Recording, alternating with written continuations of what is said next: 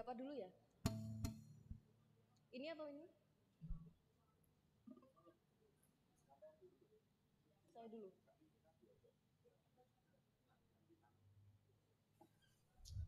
Ini oleh kondisi seperti Amin.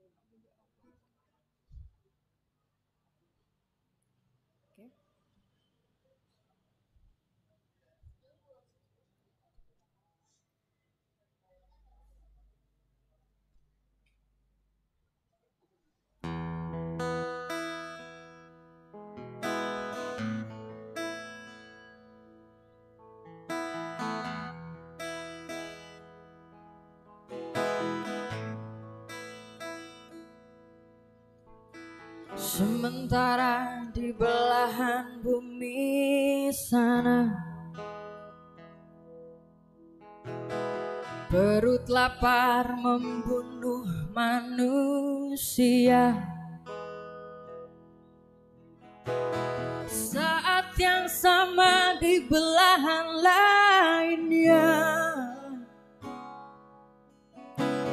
Alam yang subur dijual penguasa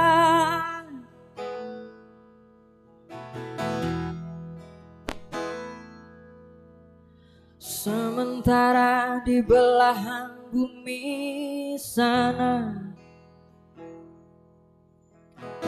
Senda gurau tawa meramaikan pesta. Saat yang sama di belahan lainnya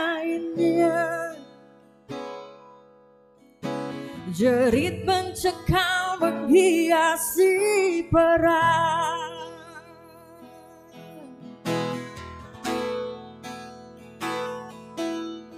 Dan bumi pun terus berputar. Samudera luas terhampar. Dan matahari setia bersinar. Manusia terus bertengkar.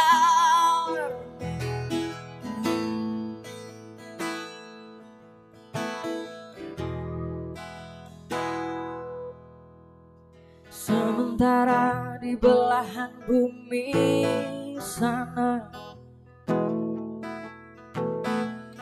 Manusia memuja-muja Tuhannya Saat yang sama di belahan lainnya. Leher ditebas atas nama agama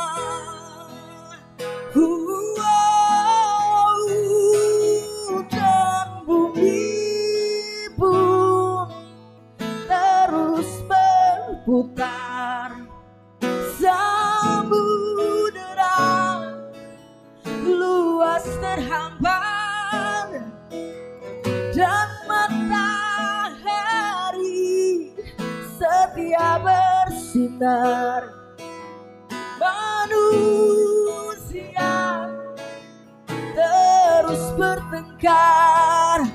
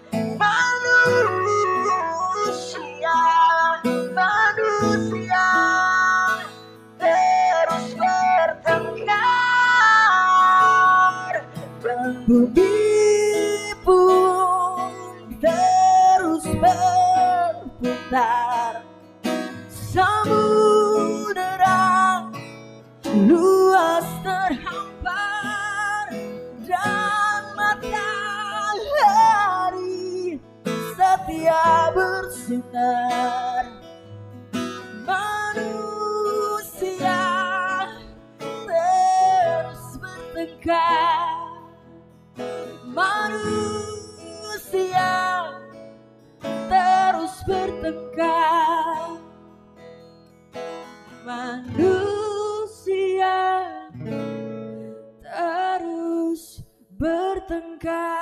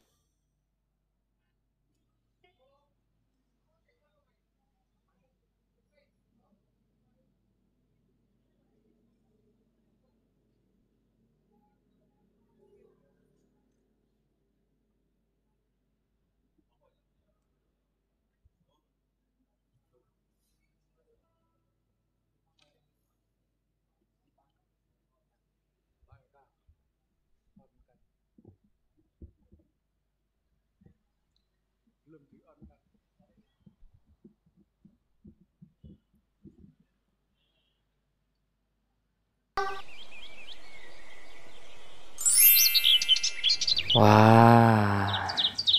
Eh. Eh. Eh. eh. Aduh, aduh, aduh, aduh, aduh,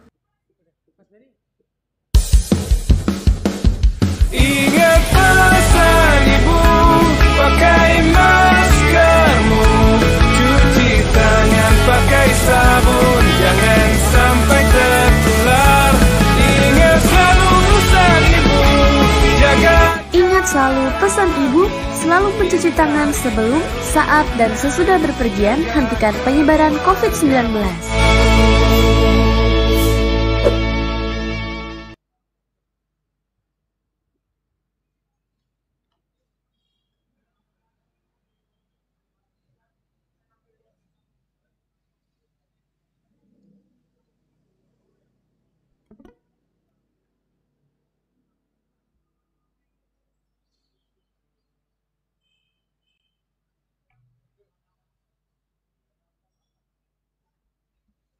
Oke, baik. Assalamualaikum warahmatullahi wabarakatuh. Selamat malam teman-teman. Selamat malam eh, warga Yogyakarta dan juga selamat malam warga net yang ternyata punya kekuatan besar di Indonesia. Kita bertemu di Dialog Interaktif atau Podcast Literasi Digital, Teknologi Informasi dan Komunikasi atau TIK dengan tema yaitu urgensi dan tantangan pemanfaatan teknologi informasi dan komunikasi di berbagai sektor bagi masyarakat DIY.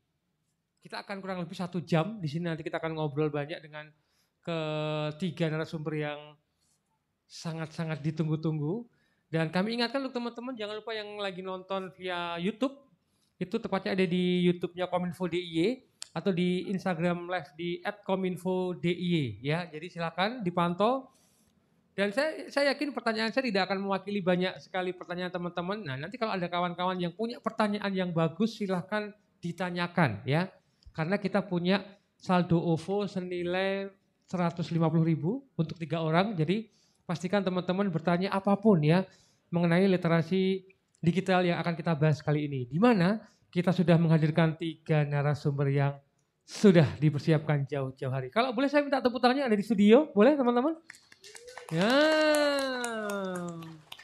Ini penontonnya luar biasa, sedikit ya. Karena kan yang paling banyak yang di rumah ya kita lagi mencoba untuk menjadi masyarakat digital. Nah kali ini yang pasti kita ada di ini adalah kantor yang tidak pernah libur Pak ya selama pandemi Pak ya.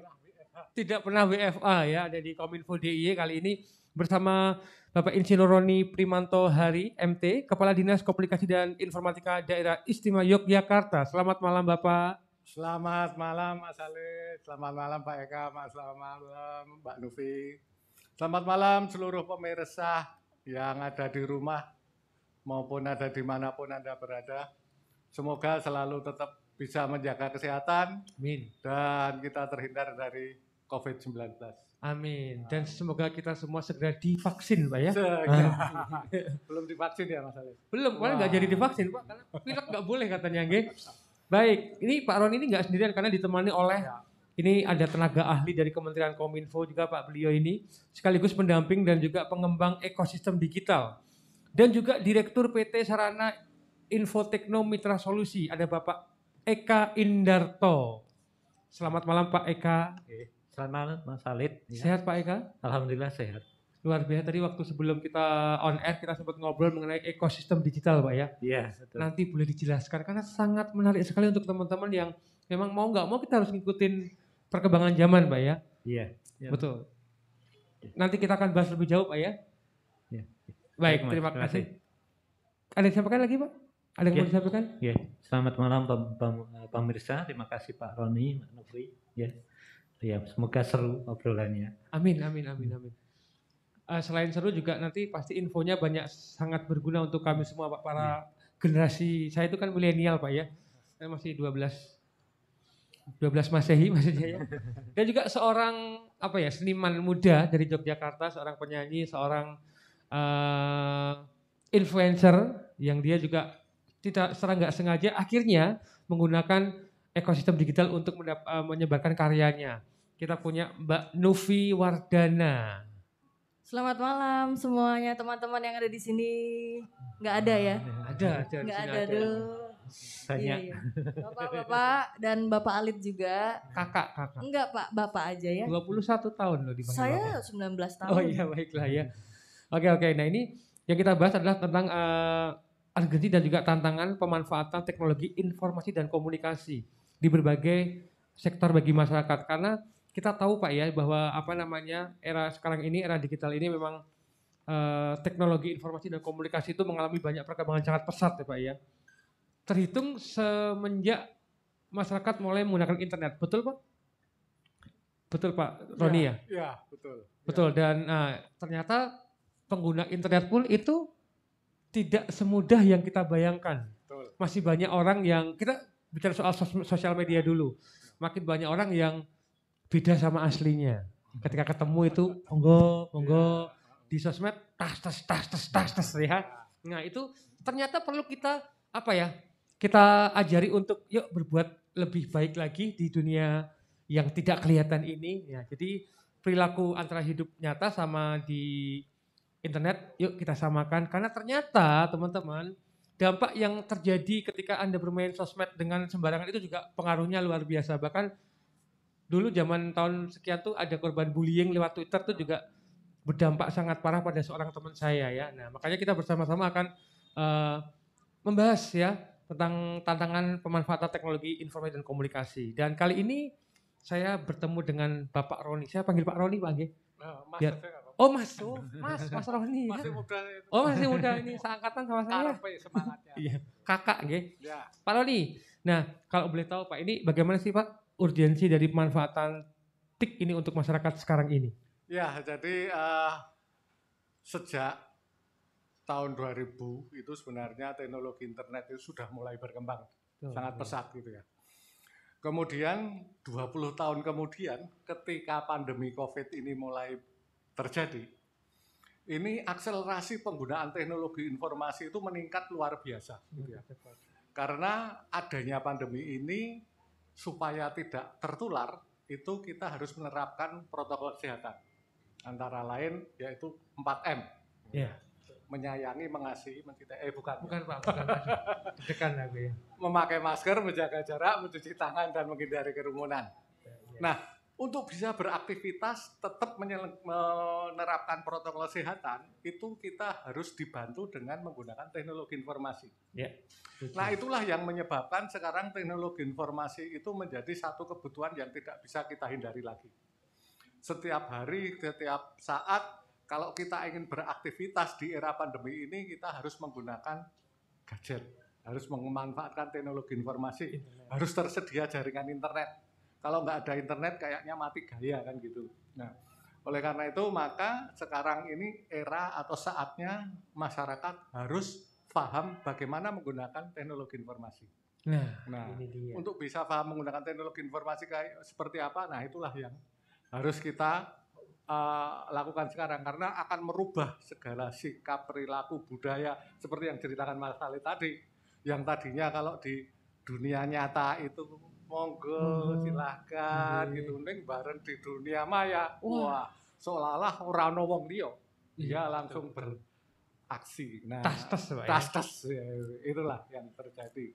Maka kita harus siap memanfaatkan teknologi informasi dengan optimal tapi untuk keperluan yang baik, untuk Nah. keperluan yang Nah apa, itu untuk keperluan- untuk mencapai sesuatu yang baik kan berarti Ya. sangat butuh literasi pak ya. betul ya Nah berarti penting banget literasi ini harus dipahami oleh masyarakat. betul ya Nah sejauh mana pak literasi digital minimal yang harus dipahami oleh masyarakat? Eh, jadi untuk mempercepat transformasi digital ya. Jadi sekarang kita itu sedang mengalami transformasi digital. Jadi merubah gaya hidup kita yang tadinya mungkin 90% kehidupan kita itu analog. Artinya Iya. kita ketemu, kita gini ber, apa menulis dan sebagainya menggunakan kertas.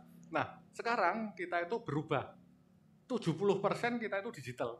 Yang 30% baru yang analog gitu kan. Iya, Nah, untuk merubah itu memang perlu ada eh, berbagai hal yang ada akan yang harus dilakukan. Antara lain adalah meningkatkan kemampuan SDM untuk bisa memanfaatkan teknologi informasi itu membantu kita untuk melakukan kehidupan kita sehari-hari.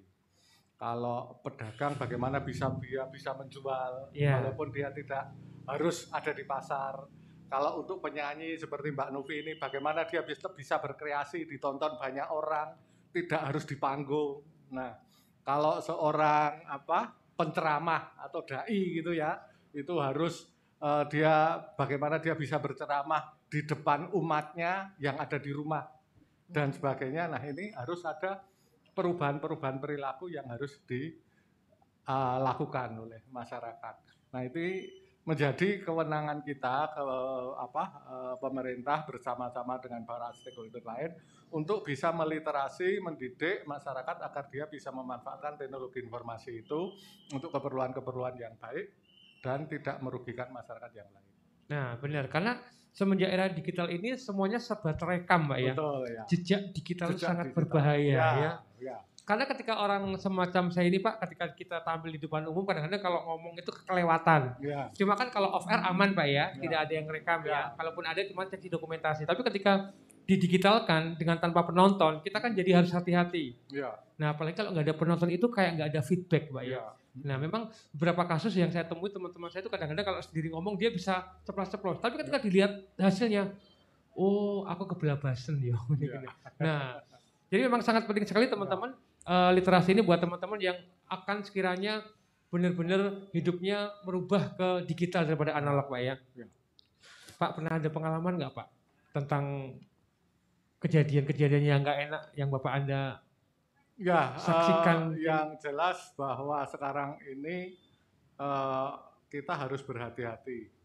Saya itu kalau tiap hari itu bisa jadi jutawan. Oh. Karena Kok tiap bisa, hari saya itu dapat SMS. Nomor Anda mendapat hadiah 150 Iya, juta. Hari ini Anda mendapat hadiah mobil. Hari ini dan sebagainya. Itu kan adalah hal-hal yang dulu tidak pernah terjadi ketika Iya. tidak ada internet, Internet. ketika tidak ada teknologi informasi. Tapi sekarang penipuan dengan cara yang seperti itu ternyata masih ada.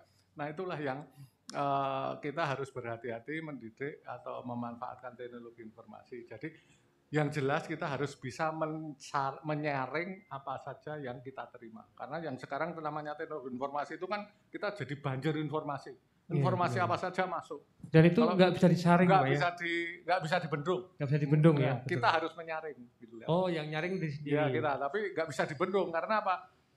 Saya ikut grup WA itu mungkin ada 40 grup Uh, mantap sekali. dan itu isinya macam-macam. Ada yang sampai hobi, ada yang teman SD, ada yang teman SMA, ada teman kuliah, ada teman kerja yang setiap saat mungkin mereka memberikan informasi yang banyak sekali dan bermacam-macam. Nah kalau itu tidak kita saring, tidak kalau itu saya malah jadi pusing karena informasinya yang ini bilang A, yang ini bilang B, yang ini bilang C, yang ini bilang E gitu ya. Padahal yang dibahas hal yang sama gitu ya. Tapi pendapatnya berbeda-beda dan kadang bertentangan. Nah ini kita makanya harus eh, berhati-hati apa? Kita harus bisa mem- me- memfilter diri kita bahwa informasi yang ada di sana itu belum tentu semuanya benar. Nah ini yang harus disiapkan, menyiapkan SDM supaya bisa memanfaatkan teknologi dan memahami bahwa dalam dunia maya pun ada hal-hal yang jelek. Di dunia maya dan dunia nyata itu sebenarnya sama, aturannya juga ada. Cuman kadang-kadang kita merasa kalau di dunia maya itu nggak nggak nggak melihat orang padahal itu didengar oleh banyak orang dan bahkan lebih banyak.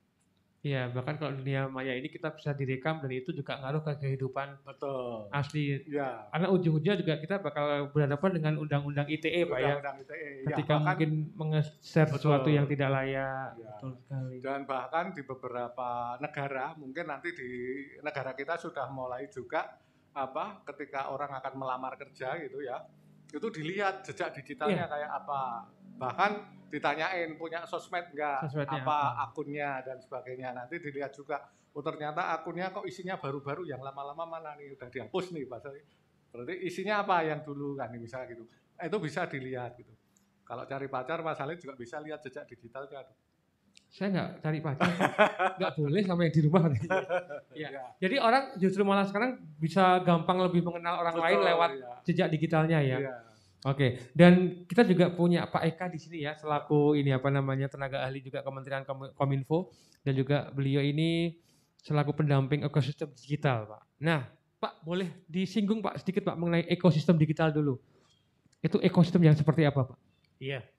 Jadi sebenarnya untuk ekosistem digital itu utamanya adalah satu kelompok ya kelompok. dengan konteks tertentu yang di mana mereka sudah menggunakan digital di dalam aktivitas atau lebih jauh di perilakunya. Nah itu bisa banyak ya, ada ekosistem untuk UKM, ekosistem bidang kesehatan, ekosistem bidang apa pembelajaran, ekosistem anak muda dan lain-lain. Ya, nyambung Pak Roni tadi sebenarnya di internet itu yang menarik kayak cermin mas.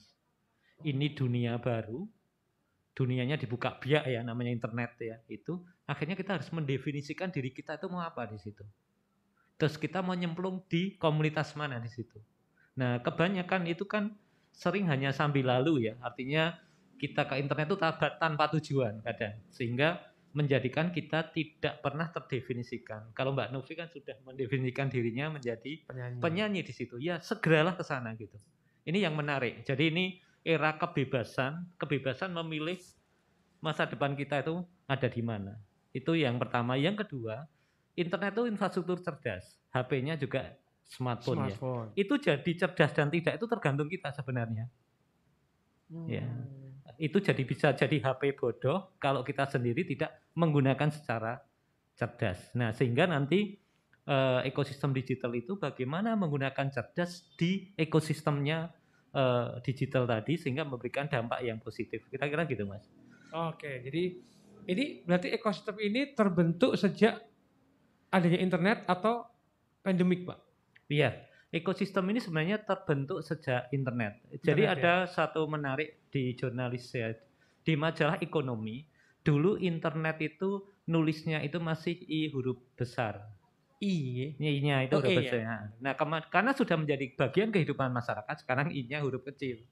Nah, sejak itulah terdefinisikan bahwa internet itu sudah menjadi bagian kehidupan masyarakat. Kalau kita dalam bahasa umum ada dunia maya, ada dunia nyata dan itu saling berinteraksi. Kira-kira gitu. Oh, baik. Jadi, jadi kalau Pak Eka, kalau kita ini termasuk ekosistem yang mana, Pak? Saat ini ini. Boleh dibilang.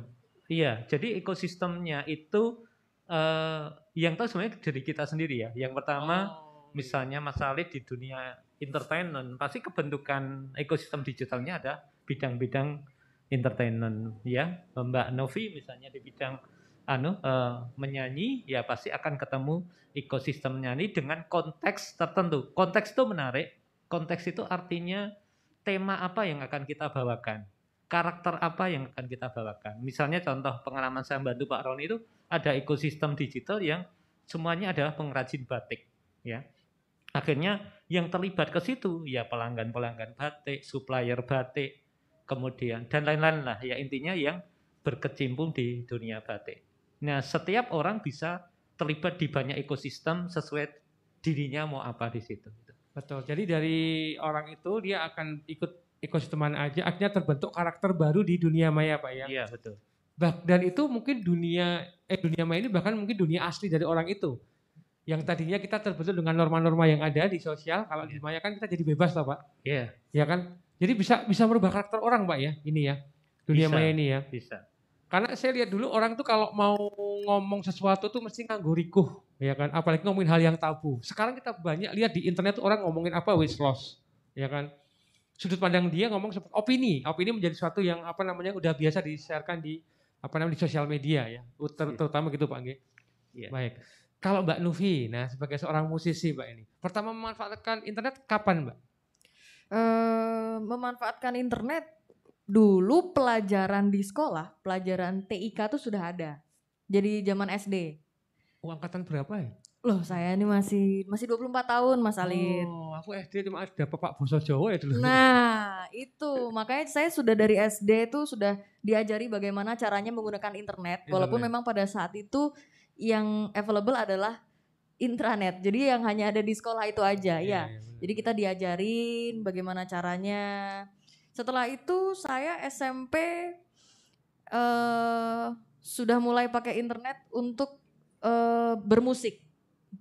Ya, jadi eh, pada zaman itu kan saya kalau belajar itu justru lewat itu, lewat, Lewat internet. digital, iya lewat Iya, internet. Saya cari chord lagu di internet, saya nonton video orang juga di internet, belajar chord gitar juga di internet. Memang pada saat itu internet itu memang maha segala. Ya, jadi sudah dari kecil cuman memang begitu semakin ke sini semakin ke sini kan memang teknologi juga semakin canggih. Saya cuman di, diwanti-wanti sama orang tua saya memang eh, kalau bisa teknologi itu membantu kamu dalam dunia nyata. Apa yang kamu lakukan di dunia nyata, alat bantunya adalah internet. Kamu bisa bermedia sosial gitu. Jangan sampai malah teknologi yang nyetir kamu harus ke mana gitu. Karena kalau dilihat dilihat-lihat lagi, teman-teman pasti pernah tahu bahwa sosial media itu eh, hanya sebagai ajang pameran. Biasanya kan Mm-mm. begitu. Nah, yang menjadi bahaya adalah sama yang seperti tadi Pak Roni bilang, kalau tidak pinter-pinter ngefilter, yang jadi kita akan semakin bingung gitu. Dengan adanya internet kita malah semakin jadi bingung ini sebenarnya gimana sih? Kok orangnya di sosial media begini tapi aslinya begini? Atau begitu juga sebaliknya. Jadi memang kita sebagai user yang punya smartphone harus menjadi smart user juga gitu kalau dari aku sih. Nah, ini- dari kecil diajarin begitu Mas Alid. Iya, kalau yang pertama begitu internet tampil di dunia itu kan jadi suatu yang mahal Ya. dan banyak info yang masih bagus. Nah, lama kelamaan kan akhirnya penggunanya makin luas ini, Pak. Nah, dengan pengguna luas kan otomatis akhirnya nggak semua hal yang bagus masuk, akhirnya hal yang kurang bagus pun masuk, ya kan? Dari mulai hal bagus, kurang bagus, tidak bagus dan nggak bagus sama sekali. Nah, Pak, untuk menghadapi ini, ini kira-kira apa yang dilakukan oleh Dinas Kominfo DIY, Pak? Wilayah khusus untuk wilayah DIY ya? Ya, eh, jadi Dinas Kominfo DIY mempunyai program untuk meliterasi masyarakat. Ada beberapa program yang kita eh, lakukan, yaitu yang pertama adalah eh, meliterasi masyarakat untuk paham tentang menggunakan media sosial di internet. Ya. Eh, kemudian ada kegiatan yang kita lakukan untuk mendidik masyarakat memanfaatkan internet untuk keperluan eh, meningkatkan usaha atau kegiatan mereka, terutama untuk UMKM. Ini kita dibantu oleh Pak Eka kalau itu. betul. Kemudian kita juga punya kegiatan untuk membantu masyarakat memahami bagaimana bisa memanfaatkan internet secara optimal untuk membantu kegiatannya, untuk membuat blog, untuk membuat video, untuk membuat YouTube, untuk membuat konten dan sebagainya. Kemudian juga kita punya co-working space yang sekarang kita ini. Ini Seperti adalah sebuah tempat di mana masyarakat bisa beraktivitas di sini dengan memanfaatkan fasilitas yang ada di sini eh, secara gratis dan eh, bisa digunakan siapa saja gitu ya. Tidak dibatasi. Hanya saja memang di era pandemi ini kita harus membatasi. Kalau dulu sebelum pandemi tempat ini ramai mas. Kayak pasar itu. Tapi setelah pandemi kita batasi. Karena kita harus jaga jarak dan sebagainya.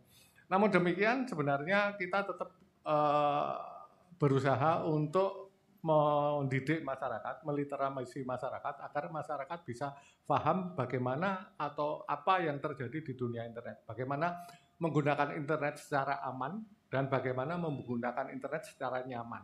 gitu ya. Aman dan nyaman itu yang penting. Jadi aman itu misalnya supaya tidak terkena hack, bisa ti- bisa tidak terpapar hoax, bisa tidak ter apa eh, mungkin tidak terkena dengan efek-efek negatif dari adanya penggunaan internet. Dan untuk itu Pak berarti dia harus berusaha untuk eh, mengamankan dirinya. Jadi seperti tadi disebutkan oleh Pak Eka bahwa apa yang kita lakukan di internet itu tergantung kitanya. Kalau kita pengen jadi baik ya bisa di sana, pengen jadi jelek juga bisa. Nah, itulah yang harus kita pahami di sana dan itu akan menjadi salah satu program utama yang kita lakukan di eh, untuk masyarakat Jogja. Oke, berarti meliterasi masyarakat, kemudian mendidik masyarakat dan Ya. juga membantu masyarakat, Pak ya. Betul ya. Kalau untuk wilayah kota kan otomatis sudah terbantu dengan Ya, jadi kalau kita itu eh, sekarang kan sedang mengalami, mengalami transformasi digital. Ada Yes. lima program utama yang kita lakukan. Lima program utama dalam rangka mentransformasi digital. Jadi mentransformasi pelayanan publik kita agar bisa dimanfaatkan oleh masyarakat dengan memanfaatkan teknologi digital.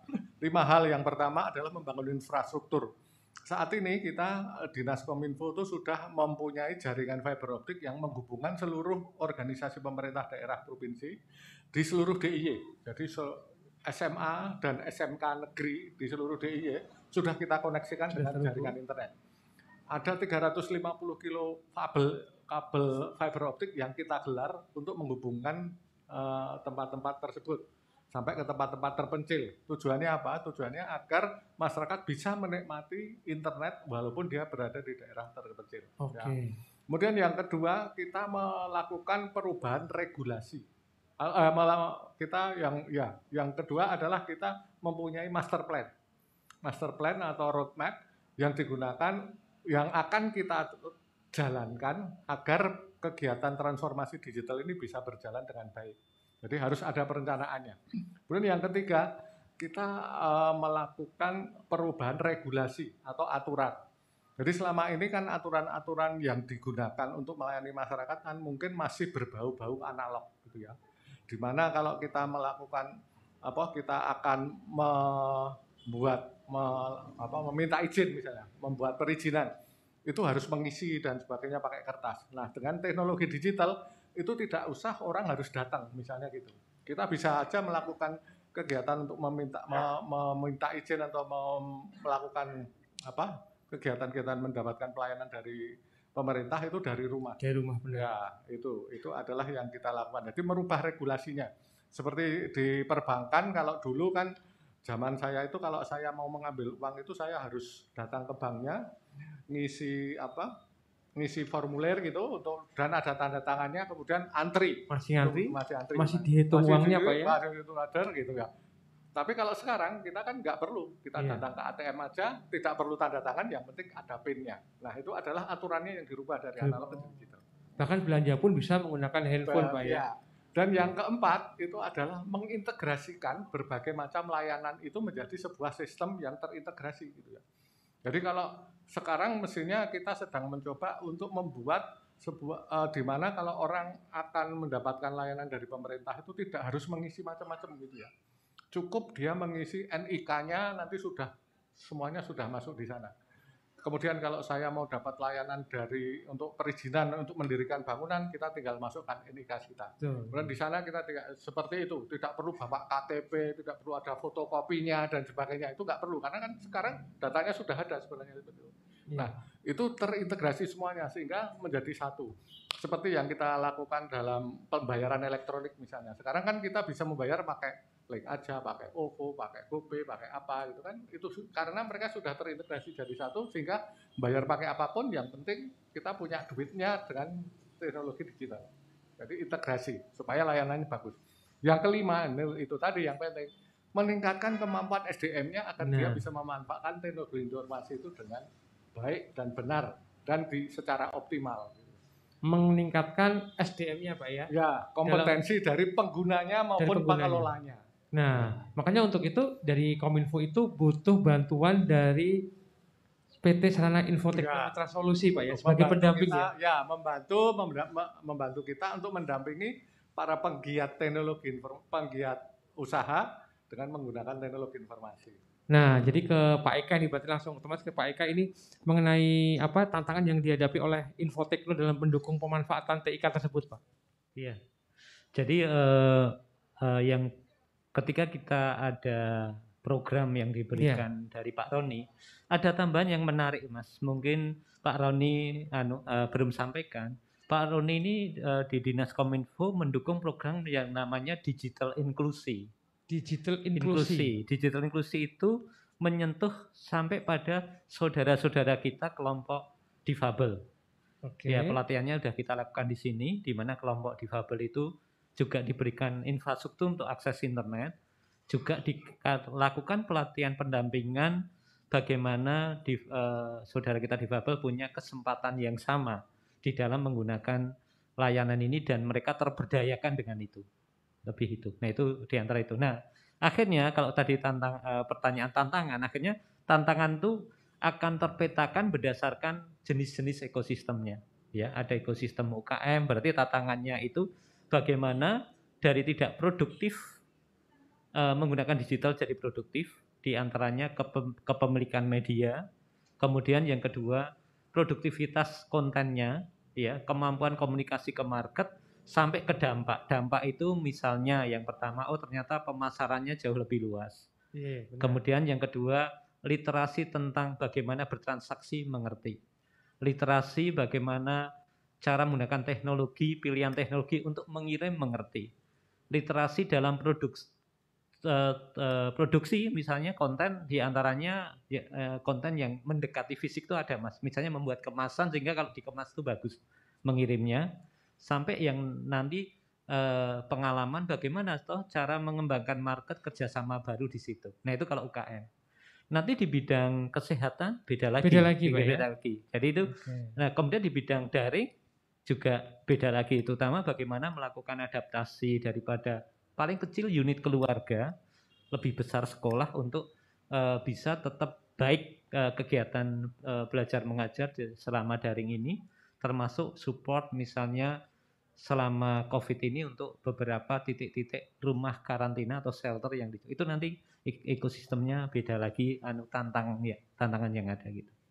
Oke, jadi kalau apa namanya, eh kita kan sudah mau mencoba untuk memperluas lagi jaringan Pak ya. Iya. Nah berarti ini dari Pak Eka termasuk jika nanti ada trouble di daerah terpencil pun harus siap untuk menyelesaikannya Pak? Iya.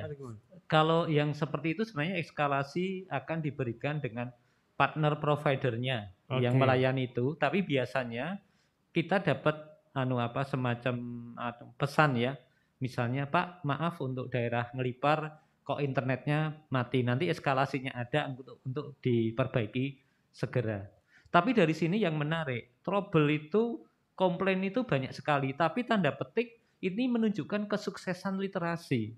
Bayangkan kalau trouble tetap tidak komplain ya Pak Roni ya. Itu artinya kan nggak dipakai. Oh, Karena iya, iya, ukuran iya. pertama internet dipakai itu kalau di digunakan, Digunakan. sebenarnya itu. Nah, ini ini yang menarik dari seperti itu gitu. Kadang saya iseng nanya, kok tanya kenapa anu ya Pak, maaf ini harus untuk daring anak. Jarang eh, trouble tanya itu untuk hal yang main-main ya. Itu mulai mulai jarang, tapi di- digunakan untuk satu yang produktif. Itu artinya selangkah lebih maju di mana sudah menjadi perilaku yang yang positif, Mas Alif. Oke, jadi ketika ada komplain, berarti ada respon, Pak ya. Iya. Respon itu kan berarti berawal dari ada sentuhan. Iya. Oh, sudah mengenakan nih berarti kalau dia akan merespon ya. Jadi ketika ada komplain bukan berarti mereka hanya komplain tapi karena memang benar-benar membutuhkan, Pak ya. Wah, ini kok mendadak internetnya mati, makanya langsung hubungin ke Kominfo. Nah, kalau masyarakatnya, Pak, apakah yang dihadapi di masyarakat tuh di lapangan apakah ada yang unik ketika menghadapi era seperti ini, Pak? Iya, kalau kita lihat di masyarakat itu kan pertama kali itu adalah eh, kita menghadapi satu literasi dengan memberikan satu awareness, kesadaran. Oh ternyata internet bisa diginikan. Jadi bukan sekedar menggunakan internet, tapi sampai lebih jauh memahami bagaimana informasi itu bekerja. Bagaimana informasi itu bekerja. Kalau pernah kita pernah belajar tentang finansial kan ada bagaimana uang bekerja. Kalau itu nanti Yes. sampai bagaimana informasi bekerja. Jadi kalau kita lihat nanti di situ yang dilakukan di proses apa pendampingan itu eh, apa yang kita hadapi nanti belum tentu dalam satu wilayah. Misalnya ada 100 UKM itu semuanya sukses tidak. Iya. Tetapi nanti yang akan kita lihat pasti ada yang sukses yang akan bisa nyontoni yang lain. Iki loh ternyata aku bisa berhasil. Aku pernah mas dulu waktu kuliah tuh di warnet. Misalnya saya jajar dengan Mbak Novi gini ya. Ditanya sama temen, Kak kamu kok bisa dapat apa-apa banyak materi bagus saya kan enggak. Itu kan memperlihatkan dengan media yang sama karena motivasinya berbeda jadi apa namanya hasilnya, Hasilnya ada- beda. ada berbeda. Kemudian ada satu prediksi di mana Jogja ini banyak kaum muda. Jadi sektor digitalisasi itu sebenarnya ada tiga di kaum muda. Yang pertama adalah lebih kepada engineering eh, apa intensif. Misalnya perusahaan-perusahaan muncul banyak startup tadi ya yang mengembangkan aplikasi. Ta- tapi ada yang bidang anu pengembangan konten ya seperti Mbak Mbak Luffy. itu ya lebih memproduksi konten juga film dan lain-lain itu juga muncul. Kemudian yang ketiga yang lebih pada aspek mengambil nilai internet untuk memanfaatkan sesuai bidang kayak UKM tadi. Itu yang kita temui di di, di lapangan seperti itu, Mas. Oke, jadi eh, selain edukasi yang di apa namanya disampaikan oleh Kominfo melalui Pak Eka itu, masyarakat akhirnya juga teredukasi sendiri dengan pengalaman-pengalaman yang udah mereka Iya, lakukan, Pak ya. betul, iya. Totolan yang pakai online akhirnya lebih sukses ya daripada yang tidak pakai Iya. se- sebelumnya ya akhirnya. Nggih. Nah, kalau Mbak Novi, Mbak Novi ada perbedaannya nggak Mbak Novi ketika eh, berkarya eh, bisa dibilang tanpa internet ketika dengan internet? Eh, kalau ditanya ada bedanya, ada. Dari banget. apa? Dari apa dulu? Dari segi kemudahannya, memang jauh lebih mudah ketika ada internet. Ya, Oke. sekarang seperti contohnya sekarang aku kebetulan sedang mau memproduksi single yang melibatkan eh, berkolaborasi dengan banyak orang yang sudah yang sudah sedang dalam keadaan pandemi kan nggak mungkin nih kita Iya. bruk jadi satu begitu dari setiap daerah kan nggak mungkin susah banget kan mikirnya aduh apa ini bisa tapi dengan adanya internet semuanya jadi mudah. Jadi eh, yang dari Jakarta bisa diambil filenya yang dari sini diambil filenya. Sebegitu mudahnya dengan internet memang. Kalau untuk bidang seperti saya musisi memang jauh lebih mudah. Cuman memang eh, di balik kemudahan itu yang sering kita lupa sebagai musisi-musisi baru bahwa di luar sana maling tuh juga inovatif begitu. Nah, ini dia. Mereka juga memanfaatkan teknologi untuk melakukan hal yang tidak baik gitu. Seperti Seperti misalnya pencurian konten. Nah. Ya. Begitu terus misalnya ter- dulu. Kalau ya. pencurian konten berarti itu wilayahnya eh, publisher ya? Ya, Iya, ya. ya, ya. Berarti- Misalnya seperti itu. Eh, aku selalu bilang bahwa oke lah, oke katakanlah itu maling inovatif. Tapi kita memang tidak bisa membendung begitu seperti yang dikatakan Pak Roni. Yang kita bisa adalah gimana caranya mengedukasi anak muda atau musisi-musisi baru untuk bisa mengantisipasi itu. Ada cara-caranya sekarang karena memang sistemnya kan sekarang juga sudah mulai oke gitu. Kalau kita paham sama sistem itu, otomatis kan kita juga nggak kecolongan nih kan lucu gitu. Jadi dengan adanya teknologi sebenarnya memang mempermudah asal kita terbuka untuk belajar gitu. Jangan malu atau jangan gengsi seperti itu sih. Kalau dari aku sangat mempermudah Mas Alit. Iya. Itu untuk untuk proses berkarya ya. Iya. Sedangkan kita kita kalau punya karya tidak bisa dijual kan juga sama aja. Untuk Iya. hal menjual karya Untuk hal menjual karya dengan adanya internet juga jauh lebih mudah. tapi digital kan? Digital. Iya. Sebagai seorang seniman kamu kehilangan ini nggak? Kehilangan apa namanya? eh, soul ketika harus ketemu dengan penonton, saling bertegur sapa, sing along gitu. Oh, kalau untuk untuk tampilnya ya, Iya. untuk show-nya memang kalau dilihat dari mungkin ini ini hubungannya tentang idealisme ya. Kan idealisme berbeda-beda setiap orang memang. Cuman kalau untuk Novi sendiri ketika harus tampil eh, off air dan on air memang berbeda. Feel-nya memang jauh lebih dapat di off air gitu Ya. karena memang melibatkan energi sih kalau untuk Nuvi gitu jadi Betul. nggak hanya sekedar menyanyi saya performer anda yang nonton gitu Mhm. enggak karena tapi kan memang beda-beda ya ini hanya menurut pendapat aja sih tapi secara untuk penjualan karya misalnya gitu selalu digital Ya, memang tapi untuk main kurang ini ya, kurang untuk iya Nah. untuk soulnya kurang berarti butuh didampingi oleh Pak Eka ini Pak Eka ya. Nah, bagaimana bisa merasa puas hanya dengan tampil tanpa penonton ya? iya iya Butuh ya Pak Eka, butuh didampingi Pak Eka seperti kayaknya itu ya. habis ini saya ngobrol banyak sama Eh, Pak Eka Karena beliau punya jurus yang jitu sekali untuk merubah orang-orang yang tadinya analog menjadi digital. Nah, wah bahaya ini dan akhirnya menikmati. boleh boleh boleh Oke, boleh nah untuk teman-teman yang lagi nonton di YouTube-nya Kominfo DIY dan juga di Instagram @kominfo.dy jangan lupa silahkan tanyakan apa pun ya mengenai apa namanya urgensi dan juga tantangan pemanfaatan teknologi informasi dan komunikasi di berbagai sektor bagi masyarakat DIY. Silahkan ditanyakan untuk tiga orang yang nanti pertanyaannya well ya. Kita akan kasih saldo OVO total senilai Rp150.000 ya. Jangan ke mana-mana, kita masih akan ngobrol dengan Pak Roni, Pak Eka dan juga Mbak Nufi. Namun kali ini kita akan kasih jeda dulu dengan penampilan dari Mbak Nufi lagi atau Mas Oh Syarif ya dari Syarif Band ya. Ini juga termasuk ini Pak yang terdampak eh, COVID ini. Iya. Dulu jadwalnya itu dari Senin sampai Minggu itu ya cuman Minggu tok ya. minggu tok ya. Oh iya. Sekarang jadi Minggu tok ya. Gimana Mas Dolo? Kira-kira nanti kalau mau tanya sama Pak Roni atau Pak Eka boleh loh Mas Dolo? Ya karena tak, tak- tak tanya jadwal sama Pak. Bukan jadwal, Oh. maksudnya bagaimana strategimu untuk dodolan di masa pandemik. Jadwal kita juga kosong kabeh guys. Mas Alit mau tanya nggak nanti? Enggak usah. Nggak. Karena Pak Eka dan Pak Roni kami berenam ini termasuk sudah pernah dinyatakan OTG Pak. Orang tanpa gaji ya. Bro. ya semoga setelah nanti baik-baik saya dapat ilmu dari Pak Eka kita bisa eh, jual lebih keras lagi ya. Oke teman-teman sekali lagi jangan ke mana-mana kita akan saksikan dulu penampilan dari The Sheriff Band Akustik.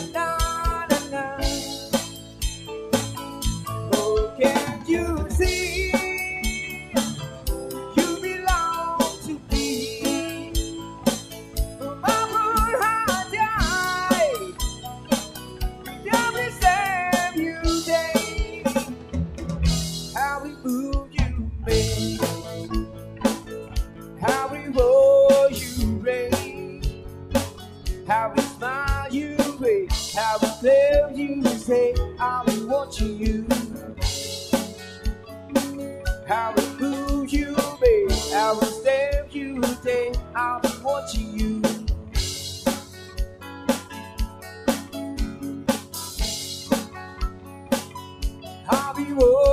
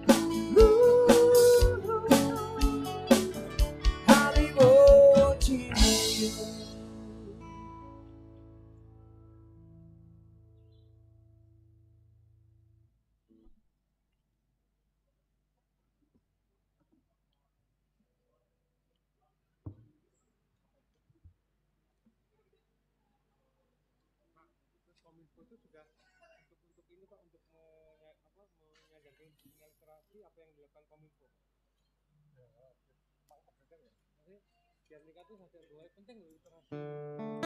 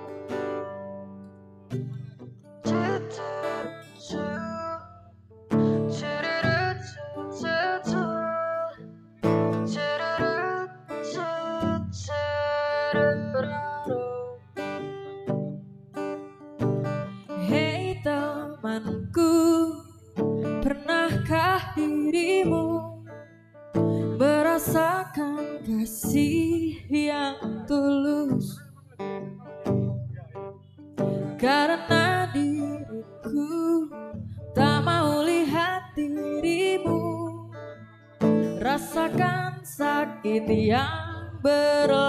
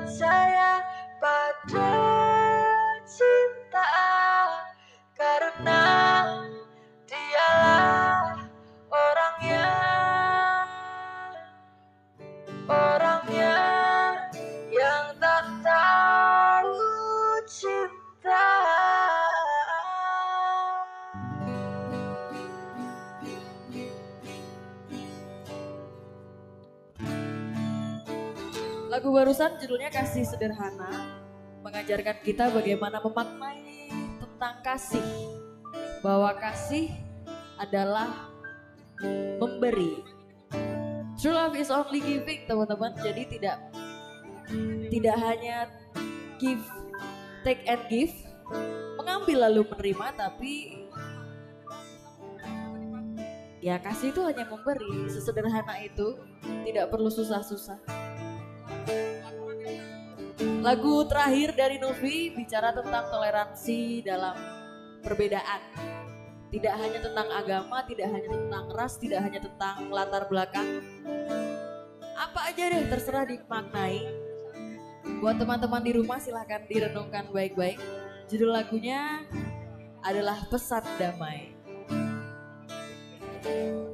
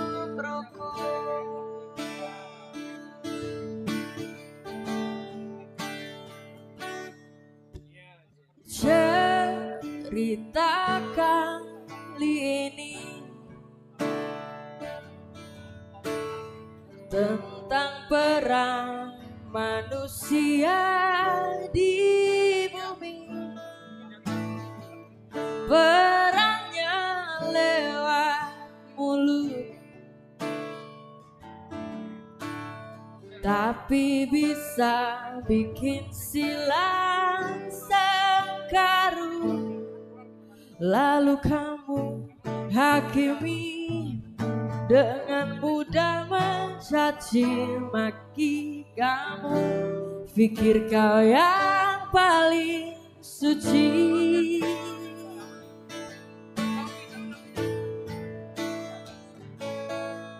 Kenapa kamu tak terima Kalau kita diciptakan beda? Kamu bilang kami hina Para calon penghuni neraka Kau katakan atas nama Tuhan Hidup ini harus diseragamkan Kamu bilang kami setan Tak layak untuk jadi panutan.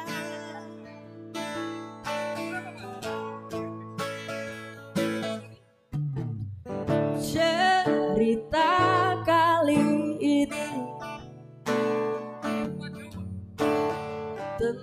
perang manusia di bumi.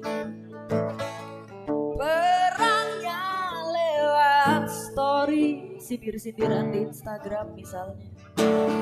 Tapi bisa bikin silang sengkaru Lalu kamu hakimi dengan mudah mencaci maki kamu Pikir kau yang paling suci.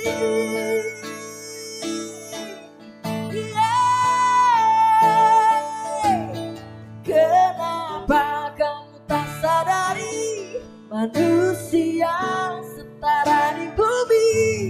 Tak pantas jadi juri Karena kita semua diuji Bolehlah untuk saling peduli Tapi tidak untuk menghakimi.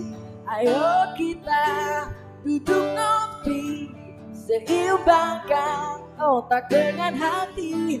Bagiku agamaku Bagimu agamamu.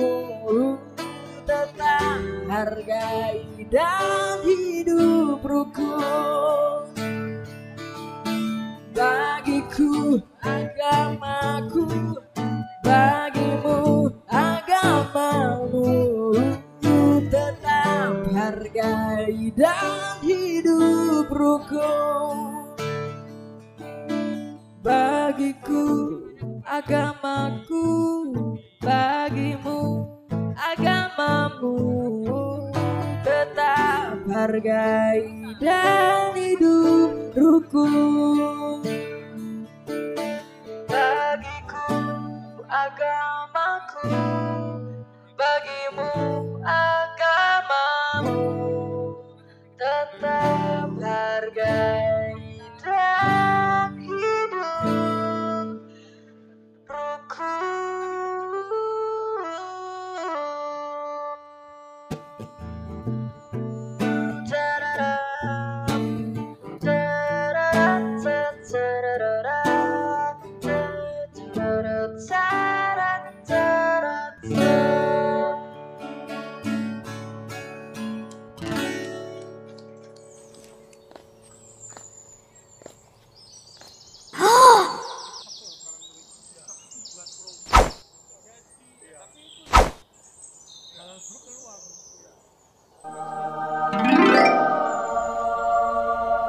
selalu pesan ibu, jaga jarak 2 meter, hentikan penyebaran COVID-19.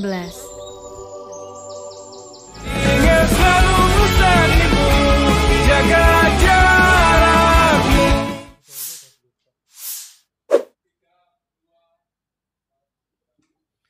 Yeay, tepuk tangan buat Luffy Wardana. Ini teman Luffy pasti sudah kangen sama Luffy yang biasanya tampil setiap minggu ya di kota ataupun di luar kota. Kali ini Luffy tampil secara online. Jadi pastikan teman-teman nanti masih bisa nonton karena Luffy nanti masih mau nyanyi lagi ya Luffy ya. Yes dong, mantap. Nah, ternyata apa namanya dampak ini dampak TIK itu nggak selalunya positif, pasti ada hal yang negatif ya. Pasti ada dua hal yang beriringan lah setiap per- perubahan zaman. Nah ini yang tadi ada yang bertanya Pak di komen itu mengenai eh, sektor pertanian. Ini mungkin nanti Pak Ika boleh menjawab atau Pak Roni. Eh, ini kata Mbak Oslin ini TIK ini sangat bermanfaat Pak untuk memberdayakan petani dalam dalam menentukan perakiraan cuaca, iklim dan macam-macam. Nah, namun bagaimana cara untuk mengatasi kesenjangan terhadap TIK terutama bagi masyarakat desa? Ya. Nah, karena kekuatan sinyal tidak semuanya sama, Pak. Ya. Mungkin. Ya memang eh, apa teknologi informasi itu salah satu eh, permasalahannya adalah ke aksesibilitas dan eh, kemampuan SDM dalam memanfaatkan teknologi itu. Aksesibilitas biasanya di wilayah-wilayah perkotaan itu sudah tidak menjadi masalah. gitu ya. Yes. Tapi di wilayah-wilayah pegunungan, di wilayah-wilayah yang jauh dari pusat kota, pusat kegiatan, itu biasanya tidak menarik bagi penyedia jasa internet, baik itu telepon seluler maupun internet provider yang lain. Karena pelanggannya tidak Ya, karena di samping kok nggak ada penduduknya kok harus Iya. saya kasih internet kan gitu. Terus kalau saya bangun bangun antena atau ambungan BTS di situ, tapi yang beli pulsa sedikit kan rugi juga. Oh. Nah, kalau ada hal-hal seperti ini, itulah tugas pemerintah untuk bisa hadir di sana. Kominfo khususnya Nah, ya. dalam hal ini eh, untuk pemerintah daerah daerah istimewa Yogyakarta, saya eh, diberi tugas oleh Pemda untuk bisa menyediakan fasilitas internet di tempat-tempat yang blank spot istilahnya. Iya, betul. Nah, saya bekerja sama dengan eh, Kementerian Kominfo juga, teman-temannya Pak Eka itu. Dan kita juga dari Pemda sendiri dengan menggunakan dana keistimewaan, kita membangun sistem jaringan internet sampai ke pusat-pusat, ke- sampai ke wilayah-wilayah yang jauh atau remote dari eh, perkotaan. Di samping itu, kita juga mempunyai kegiatan untuk meliterasi masyarakat, mendidik masyarakat agar dia paham dengan penggunaan internet, tentang penggunaan teknologi informasi. Sehingga kita harapkan kesenjangan itu tadi, kesenjangan dalam pemanfaatan teknologi informasi itu akan eh, teratasi atau paling tidak dikurangi. Nah, tahun ini kita mempunyai kegiatan kurang lebih 60 kali kegiatan untuk meliterasi masyarakat. 60 kali 60 kegiatan. kali kegiatan. Ya, kegiatan tersebut berupa literasi digital kepada masyarakat untuk keperluan pemanfaatan teknologi informasi baik untuk keperluan media sosial, untuk keperluan pemasaran maupun untuk keperluan-keperluan eh, melakukan kegiatan sesuai aktivitasnya. Jadi seperti tadi petani dan sebagainya. 60 kali itu kita lakukan kurang lebih kalau setahun berarti per bulan kira-kira lima kali. Lima kali. Lima kali dan itu keliling di lima kabupaten kota dan eh, menuju ke pusat-pusat eh, di kelompok-kelompok masyarakat di desa. Seperti besok itu kita jam 9 ada acara juga seperti itu di Brosot, di daerah Brosot. Ya, Brosot. Kemarin, ya kalau kemarin itu di daerah Prambanan sama dan sebagainya. Nah, kegiatan-kegiatan itulah yang kita harap. 60 kali itu masih sedikit memang kalau dibandingkan dengan kebutuhannya gitu ya.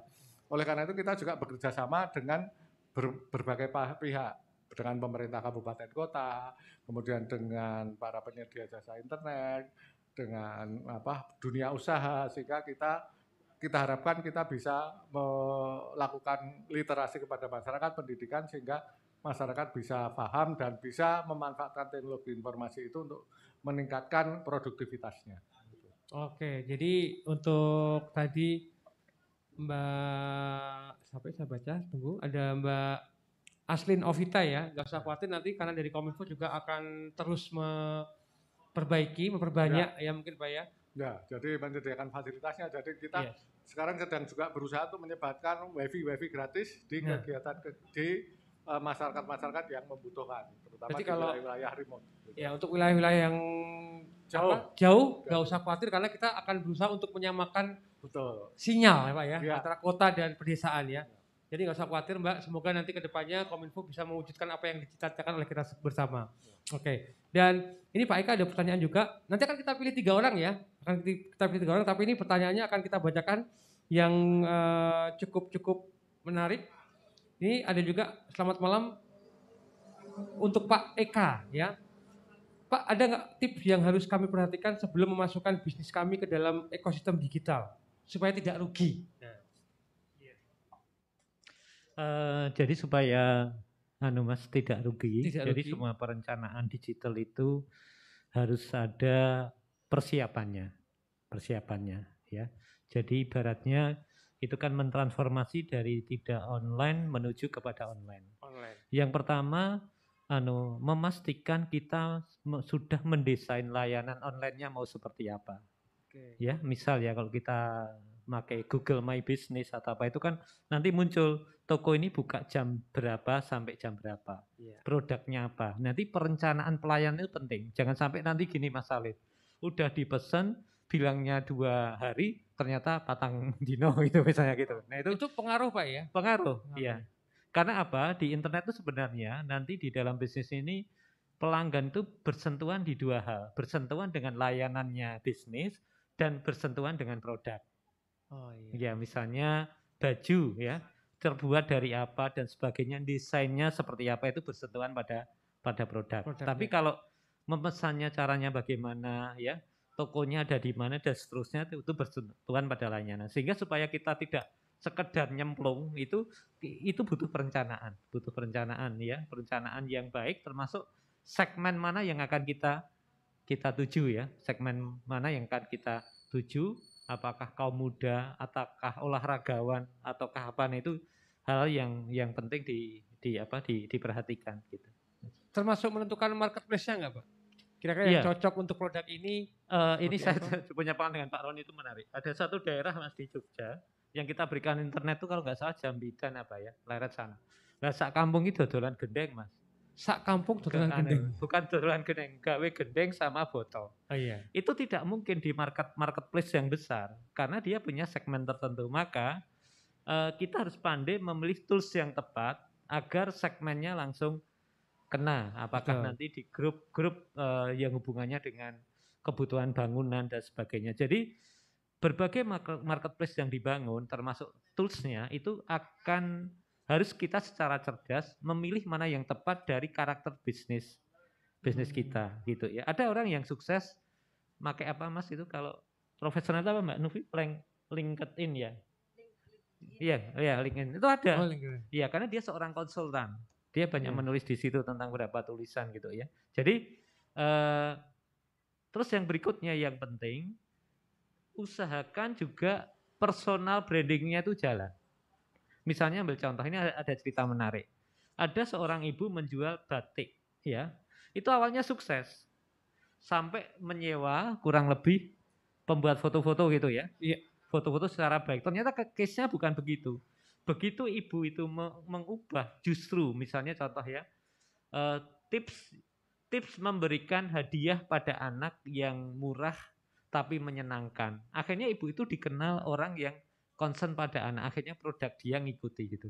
Oh. Nah, gitu. Jadi eh, bukan sekedar produk yang dikedepankan, jadi personalnya ikut, layanannya ikut, terus produknya ikut. Gitu Mas kurang lebih. Oke, saya setuju tadi kalau kita harus menentukan bagaimana apa marketplace apa yang cocok karena kalau jual gendeng nggak mungkin yang beli orang luar negeri pak ya. Iya.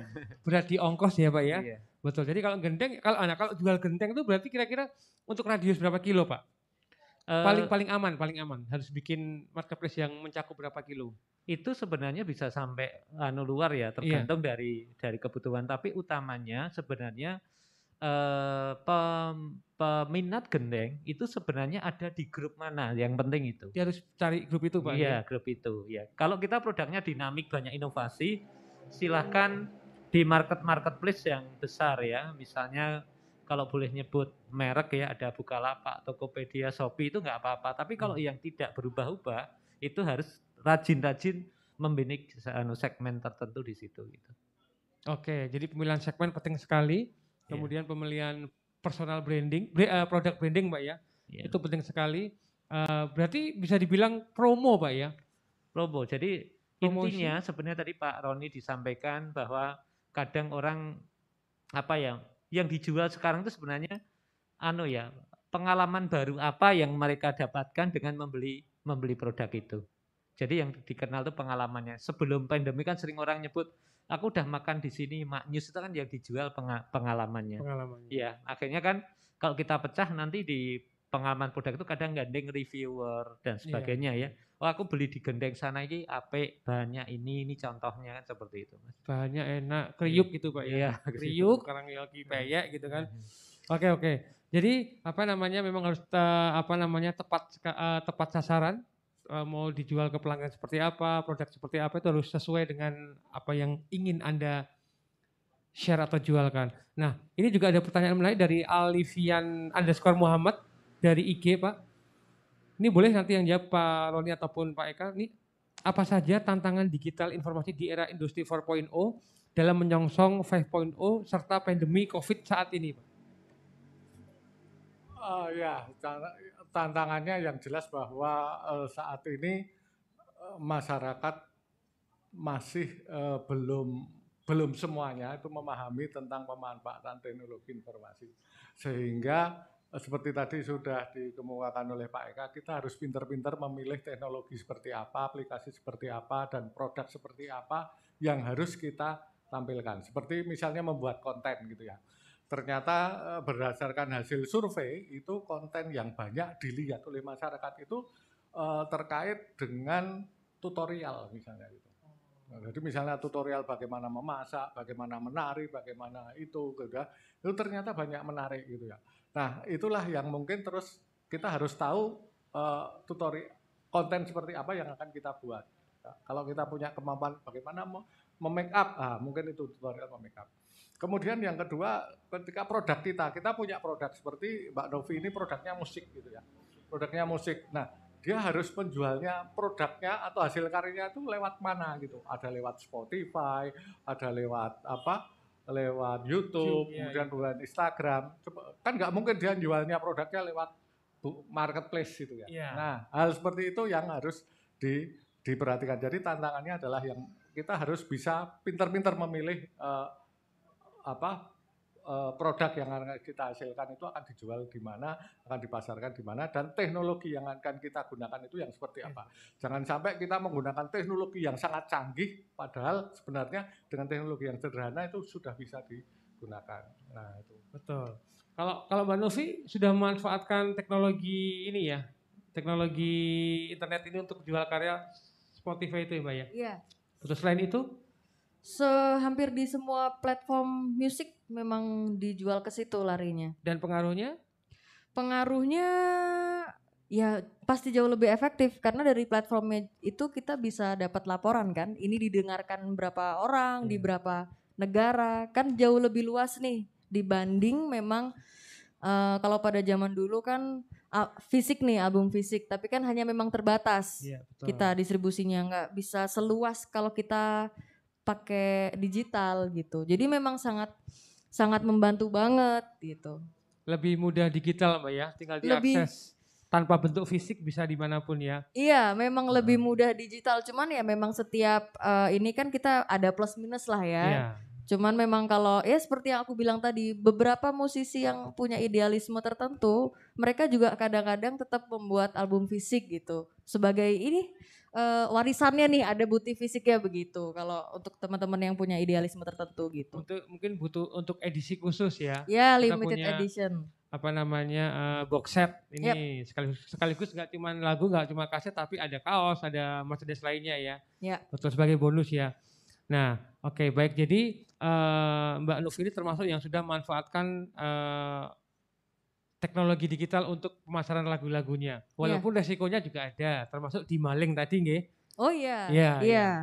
nah tapi kalau di maling tadi memang bukan tugas kominfo pak ya untuk me- Jadi eh, eh, mencegah apa, hal tersebut memang dengan adanya teknologi informasi itu tadi seperti dikatakan Mbak Novi, eh, memang kita mudah untuk bisa menjual, tapi juga mudah untuk dicuri gitu ya. Makanya ada undang-undang ITE, di mana undang-undang itu digunakan atau sebenarnya dibuat untuk menghindari atau melindungi orang baik dari perbuatannya orang jahat. Gitu ya. Jadi bukan untuk menghalangi orang baik berbuat baik, tapi untuk menghalangi orang jahat berbuat Jahat. kepada orang yang baik. Nah, hanya saja memang eh, perkembangan teknologi itu kadang-kadang tidak diikuti oleh perkembangan aturan. Sehingga aturannya kadang-kadang masih kuno tapi teknologinya sudah maju. Nah, ini yang menjadi tantangan dari pemerintah untuk bisa membuat aturan-aturan itu sesuai dengan kemajuan zaman. Gitu. Jadi kalau dulu orang mencuri itu saya mencuri sepeda, sepedanya ada di sini, akhirnya dicuri dan sepedanya hilang. ya Kalau sekarang kan enggak, lagunya Mbak Novi itu dicuri. Padahal lagunya ada tetap Masih di situ, ada. tapi sudah dicuri oleh orang lain. Nah itu bedanya di situ. Maka itu aturan undang-undang ITE itulah dibuat untuk menghindari hal-hal yang seperti itu. Berarti kalau ada pelaporan bo- boleh langsung Ya ke memang Kominfo, kalau Pak, ada ya? pelaporan yang pertama eh, kalau merasa dirugikan itu bisa dilaporkan ke polisi. Polisi Kemudian dulu. biasanya nanti eh, dari dinas kominfo itu dipanggil sebagai tenaga ahli. Itu sering, hampir setiap Oh. minggu itu ada staf saya yang menjadi tenaga ahli diundang ke Polda untuk kasus-kasus eh, kejahatan cyber. bisa jadi saksi juga pak ya Ya, jadi saksi ahli. Oke. Ya. Nah, ini ada yang bertanya mengenai pelaporan, Pak. Ya. Dari Mas Adi Ramadan. Mas izin bertanya, adakah sistem yang dapat memaksimalkan fasilitas seperti pelaporan masyarakat pada sistem Jogja Smart Province nanti? Dan kira-kira kapan sistem SJSP ini akan mulai dimaksimalkan? Ya, jadi kalau sekarang untuk sistem pelaporan, terutama untuk komplain handling, bahkan eh, laporan ke polisi, kita punya aplikasi namanya iLapor Jogja. E-lapor iLapor Jogja. DIY, ya. E-lapor DIY. yang is- bisa di-download di uh, App Store maupun Play Store. gitu ya. Oke. Nah oke. di sana uh, masyarakat bisa melaporkan segala sesuatu, terutama terkait dengan layanan publik. Namun demikian saat ini juga kita sedang membangun aplikasi bekerjasama dengan Polda DIY namanya Panik Button yang ada di aplikasi Jogja Istimewa. Eh, di sana digunakan untuk memberikan laporan atau terkait dengan kerugian-kerugian yang terjadi akibat kejahatan cyber. Oke, jadi pas banget teman-teman sekali lagi ketika kalian merasa menemukan sesuatu yang dirasa melanggar melawan hukum, ini termasuk delik delik aduan juga nggak Pak? Ya, jadi kalau kalau eh, apa kalau merasa dirugikan baru gitu ya. Oh, berarti kalau ada orang posting foto saya, Ya, Dengan- Mas Alid merasa dirugikan ya silahkan lapor. boleh. Ya. Nah kalau yang umum Pak, kejadian umum yang merugikan orang umum tapi Ya, bukan kalau yang pribadi. kejadian umum kalau itu memang dirasa meresahkan masyarakat pasti nanti penegak hukum akan bertindak gitu ya. Oke, baik baik. Jadi memang eh, kalau Ya. ngobrol mengenai digital nggak akan cukup Ya. waktunya cuma satu jam ya. Ya, Karena buktinya Kominfo aja butuh 60 titik Kali. selama Ya. setahun. Itu aja Ya. masih kurang Pak ya. ya. Masih kurang ya, baik. Nah kalau begitu sebelum kita akhiri nanti Pak boleh dikasih satu apa namanya pesan diberikan ke masyarakat mengenai pemanfaatan TIK ya. Tapi sebelumnya sekali lagi kalau teman-teman ingin mengadukan sesuatu ini kabarnya Pak Roni ini eh, tidak keberatan untuk di DM Mbak ya. Ya, Ya, pokoknya kalau teman-teman pengen nanya apa pun ya, selain bisa DM di @kominfo.diy, teman-teman bisa juga DM ke akun pribadinya Pak Roni yaitu @roni_primanto. Betul Pak ya? betul. Nah, beliau akan jawab dengan sendirinya ya. Ya. Jangan jangan sampai salah orang karena eh, foto beliau itu naik motor waktu Pak ya. Nah, jadi kalau ada nama Roni Primanto naik motor, nah itu akunnya beliau. Silahkan di follow teman-teman dan jangan lupa kalau kamu pengen tanya apa pun karena nggak kita cover saat ini, boleh langsung ke Pak Roni ya. Oke. Dari Mbak Anu dulu, Mbak Nuvi dulu, ada nggak pesan yang diberikan ke masyarakat mengenai pemanfaatan TIK terlebih di tengah masa pandemi? Sebagai Eh, seorang seniman. sebagai seorang seniman, teman-teman mungkin sedikit atau banyak ini ya. Oke, aku mulai dari boleh teknologi itu semakin maju, tapi kalau bisa jadikan teknologi itu sebagai alat bantu kita untuk mewujudkan apa yang jadi keinginan kita di dunia nyata. Jangan malah sebaliknya. Jadi kita yang disetir sama teknologi harus bagaimana di dunia maya terus mempengaruhi dunia nyatanya. Kalau itu baik sih nggak masalah ya. Cuman kalau nggak nggak baik kayaknya nggak usah deh nggak perlu gitu ya karena yang pantas untuk menciptakan standar pada dirimu sendiri adalah kamu bukan media. Jadi eh sebisa mungkin harus lebih percaya diri dan laku real life-nya yang penting daripada dunia mayanya itu yang pertama. Yang kedua, HP kalian boleh smartphone, tapi jangan lupa kalian juga harus jadi smart user gitu. Yes. Terima kasih. Oke, terima kasih Mbak Luffy. Karena smartphone itu sangat pas untuk smart user ya. Iya dong, sia-sia nanti kalau gitu beli handphone mahal. HP-nya mahal, ngetiknya receh ya. Wah, Nah, gitu. apa. Nah, untuk Pak Eka Indarto, boleh Pak diberikan pesan terakhir sebelum kita nanti pesan terakhir, apa statement terakhir ya. Apa yang dapat diberikan ke masyarakat mengenai pemanfaatan TIK terlebih di tengah masa pandemik? Monggo Pak Eka. Iya. Jadi eh, sebelum ke statement terakhir sedikit saya nambahkan Boleh. untuk pelaporan pelanggaran konten dan lain-lain itu juga di Kementerian Kominfo ada. Itu tinggal masuk webnya. Nanti itu ada diklik bagian laporan, Mas. Itu Webnya apa Pak? Boleh tahu? kominfo.go.id. Kominfo.go.id ya. Iya, go, go itu government. Oke, .go.id. Iya, itu. Nanti klik di Ya, bagian yang laporan, Oke. laporan tentang itu. Jadi untuk pemanfaatan TIK di masyarakat itu yang pertama, ketika kita mempunyai satu penggunaan teknologi TIK, itu kita harus mengubah dari beban menjadi modal. beban Menjadi modal. modal. Selama ini kan sering wah kentean paketan gitu. Nah itu harusnya jadi pertanyaan lucu. Itu Iya, selama iya. ini menjadi beban. Harusnya begitu punya TIK itu dunia digenggaman. Tinggal kita mau apa untuk itu. Kemudian yang kedua, internet ini tersedia pengetahuan, sumber pengetahuan, dan komunitas tadi ekosistem yang cukup luas. Maka di situ segeralah kita mau berperan apa di situ.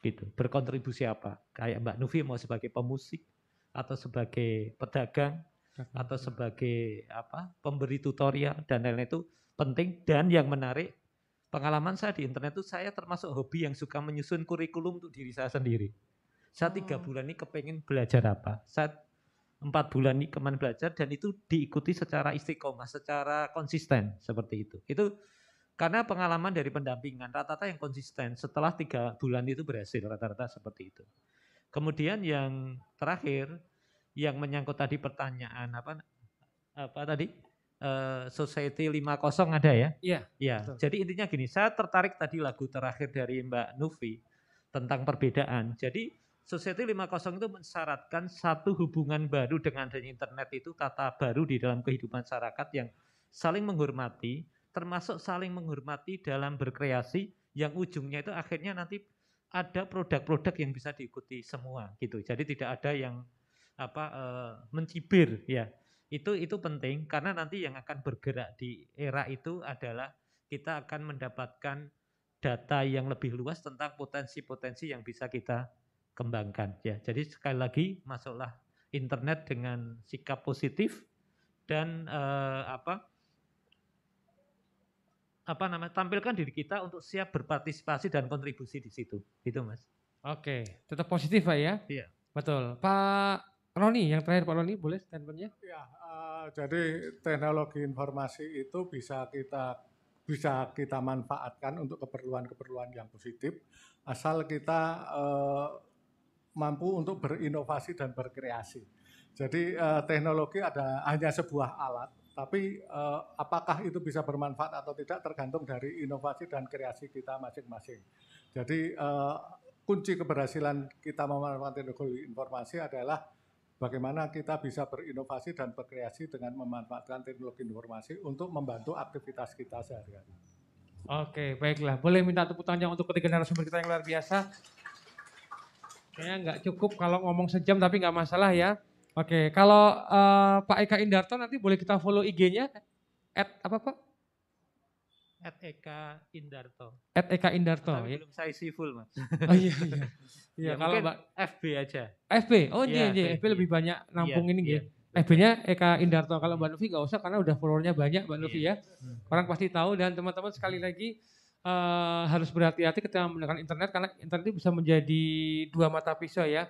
Karena kita sudah membuktikan dengan internet kita sudah bisa membekukan salah satu akun bulu tangkis terbesar di Inggris ya. Itulah netizen Indonesia. Kekuatan besar itu melebihi militer Pak ya. Kalau waktu satu hari nggak ada langsung selesai. Baik teman-teman terima kasih dan mohon maaf jika ada hal-hal yang kurang berkenan di hati Anda selama sejam ini. Sekali lagi mohon dimaafkan. Semoga nantinya kita bisa menjadi pengguna internet yang bijak dan baik.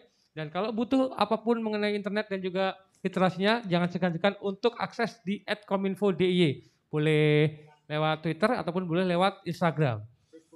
Facebook juga ada, baik. Bahkan YouTube juga ada. Semuanya ada kami ya.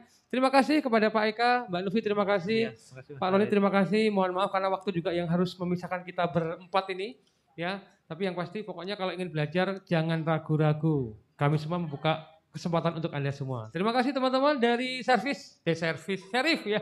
Servis. Oh ya, barang second servis. Serif band ya Mas ya. Thank you ya. Sampai ketemu lagi di podcast berikutnya. Terima kasih. Selamat malam. Assalamualaikum warahmatullahi wabarakatuh. Waalaikumsalam.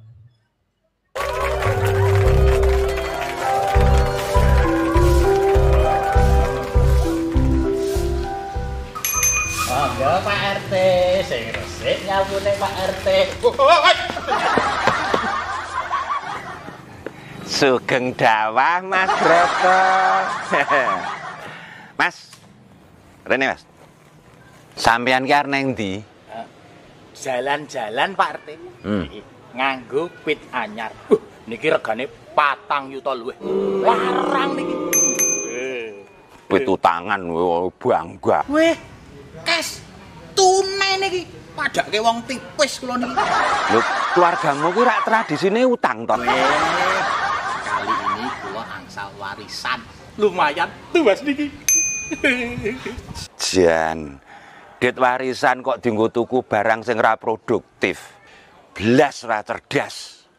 Ini yo sakaremu deng, wong kuwi diditmu dhewe kok. Yo sekali-sekali to Pak RT, kula niki nggih pengen gaul. Kados wong-wong nika. Do pit-pitan ten Malioboro. Pas dino besok wasip niku. Wah yo sakarepmu, arep umuk pitanyar sing regane pira mo? Kang yuta luwih. Wah, monggo. Ora apa-apa. Nggih, mboten ngoten Pak RT. Kula niku nggih pengen mlaku-mlaku. Kula ampun bosen ning omah terus mergo Covid niku. Wah, jan. Ning kowe iki ket mbiyen ra tertib e. Metu saka ngomah mlaku-mlaku kena. Ning mbok nganggo masker. Weh, sakniki niku pun bebas, Pak. Ten berita-berita niku tertulis new normal. Wah, gimana ini Pak RT kok tidak mengakses perkembangan? Padahal aku ora berpengetahuan ngono piye. Semua berita tentang Covid iki tak ikuti tak waca bacaanku luwih saka siji. Ora mung kuwi sing jenenge website corona.jogjaprof.id. Akses, akses. Ngerso dalem ngendika? Dawuh ro masyarakat. Kowe ro ngerti? Ki luwih ngerti dhisik. Aku ro ngerso dalem ki. Hmm. Aku ki rakyat Nyatane dek minggu ini kok banyak orang-orang yang pit-pitan ke Malioboro. Wakeh banget. Wong ki nek lair ora dislameti. Wis dadine ngeyelan ngono. Tak kandhane ya Mas Broto. Yo aja iki memilih ora kesusu. Tidak tergesa-gesa menerapkan kebijakan new normal. Awake dhewe iki ya nang Yojo iki arep neng pasar kena. Mal nek wis buka ora apa-apa, mlebu rumah makan silahkan. Umuk pitanyarmu bengring rut ping 14. Monggo. Ning aja sembrono. Tetep nganggo masker, jaga jarak, nek ana lampu bangcu aja ngeblong. Monggo nek ngoten Pak RT, kula tak pados masker. Kula titip pitrien nggih. boten sida larang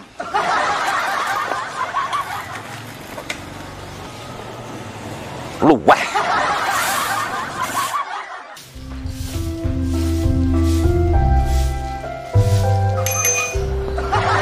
Monggo Pak RT. Wong edan. Eh, helmnya tinggal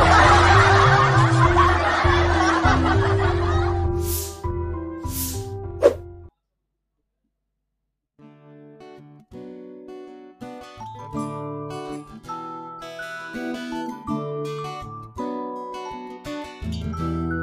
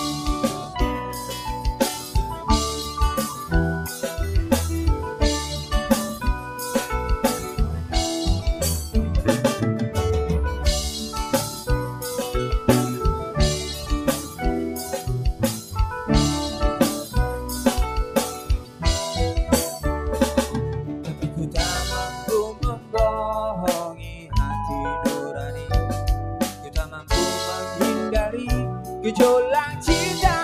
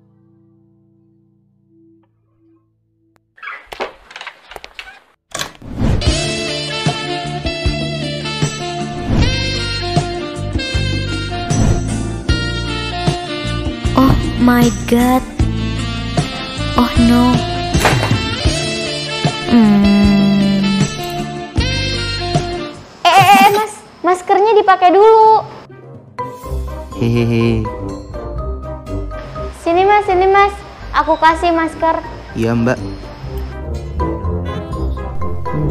Aku kira mereka terpesona. Terpesona. Aku. Nah, Mas, selain memakai masker, kita juga harus taat terhadap protokol kesehatan yang lainnya, seperti mencuci tangan dengan sabun dan air, menjaga jarak, dan juga mengurangi mobilitas dan menghindari kerumunan. Bersama lawan COVID-19, Jogja bisa. Jogja Eling lan waspodo.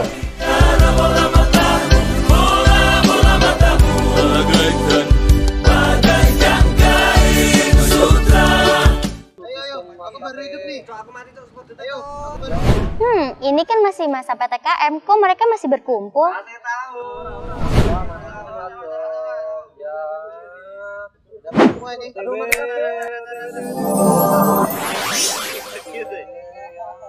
Benedetanya.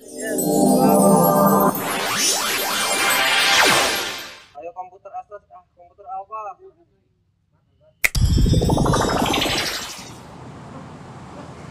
Oke Lur, kita mabar di rumah aja. Tapi sebelum kita pulang, kita olahraga dikit dulu biar sehat. Oke.